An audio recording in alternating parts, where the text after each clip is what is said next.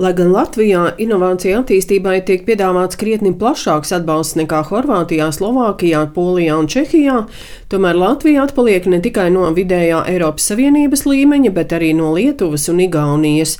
Stāsta valsts kontroles padomas locekle Inese Kalvāne. Ko mēs secinājām? Pasākumu klāsts ir plašs, tādējādi mums iznāk piešķirt līdzekļus vairākiem pasākumiem un nelielā apjomā.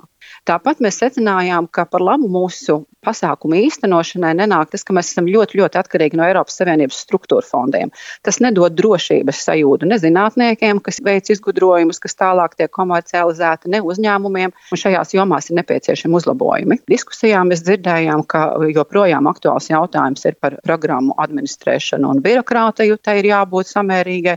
No savas puses gribu pateikt, ka pasākumu administrēšanai jābūt ar izmaksu efektīvai. Tai nevajadzētu piesaistīt tik daudz cilvēku resursu, digitalizācijai jāienāk pasākumu administrēšanā, jābūt caurspīdībai un atklātībai. Jaunu uzņēmumu asociācijas valdes locekle un Rīgas Tehniskās Universitātes inovāciju prorektore Liena Brieda vērtē, ka jaunu uzņēmumiem tiek piedāvāti daudz un dažādi atbalsta pasākumi, bet vai tie risina tos jautājumus, kas aktuāli tieši jaunu uzņēmumiem? Latvijas gadījumā galvenais izaicinājums ir mērogošana. Tas nozīmē jaunu uzņēmumu nu, attīstības nākamās fāzes nodrošināšanu, kas attiecīgi prasa nedaudz citas pieejas un atbalsta mehānismus, lai tas tiešām arī notiktu. Mūsu jaunuzņēmiem nemaz nav pieejams šis investoru cēklas finansējums un tad arī vēlīnāks stadijas finansējums. Kā arī banku sektoru darbība šobrīd uh, ir diezgan uzmanīga skatoties uz jaunuzņēmiem kā saviem klientiem, kas attiecās arī uz viņu finansējumu plūsmas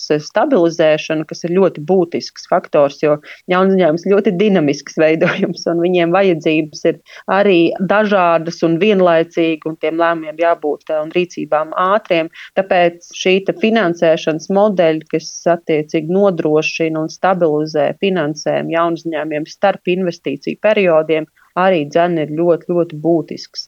Latvijas darba devēja konfederācijas nodokļu eksperts Jānis Hermanis vērtē, ka investīciju klimats Pēdējos gados ir pasliktinājies tieši ģeopolitisko apstākļu dēļ. Investori raugās piesardzīgāk, līdz ar to mums vairāk ir jāfokusējas uz tiem, kas jau šeit strādā. Ir dažādi, varbūt arī šķēršļi, kas kavē investīcijas, kvalificēta darba spēka trūkums, darba spēka nodokļu sloks ir augstāks nekā pārējās Baltijas valstīs un arī citur reģionā. Protams, jā, nu, mums šis pētniecības faktors ir vājāks nekā viņam vajadzētu būt. Jā, arī raugoties attiecībā uz pētniecības attīstības izdevumiem, mēs atpaliekam no citām valstīm. Iepriekšējos gados liela izmēra uzņēmumi, kas bieži vien ir publiskā sektora, neveic pietiekams investīcijas pētniecībā un attīstībā, tāpēc, ka tur ir bijis valsts kontrolas aizrādījumi par iespējamiem neefektīviem izdevumiem un tam līdzīgi. Tā attieksme mainīsies, bet nu, joprojām arī šī piesardzība pastāv pastāv. Jāsaka, arī no Eiropas Savienības finansējums, protams, ir iezīmēts, jā, bet nu, tā apguvē izmantošana viņa notiek lēnāk nekā paredzēts, un tas arī zināmā mērā kavē investīcijas. Valsts kontrole devusi vairākus ieteikumus inovācijas veicināšanā iesaistītajām iestādēm - ekonomikas ministrijai, izglītības un zinātnes ministrijai un Latvijas investīciju attīstības aģentūrai, kas jāīsteno līdz 2027. gadam. Piemēram, ministrijām saulaicīgāk jāizstrādā noteikumi Eiropas Savienības fondu finansētu pasākumu īstenošanai, lai neradītu atbalsta pasākumu pārtraukumus uzņēmumiem un zinātniekiem. Kopumā jāmazina arī atkarība no Eiropas Savienības finansējuma. Daina Zalamane, Latvijas radio.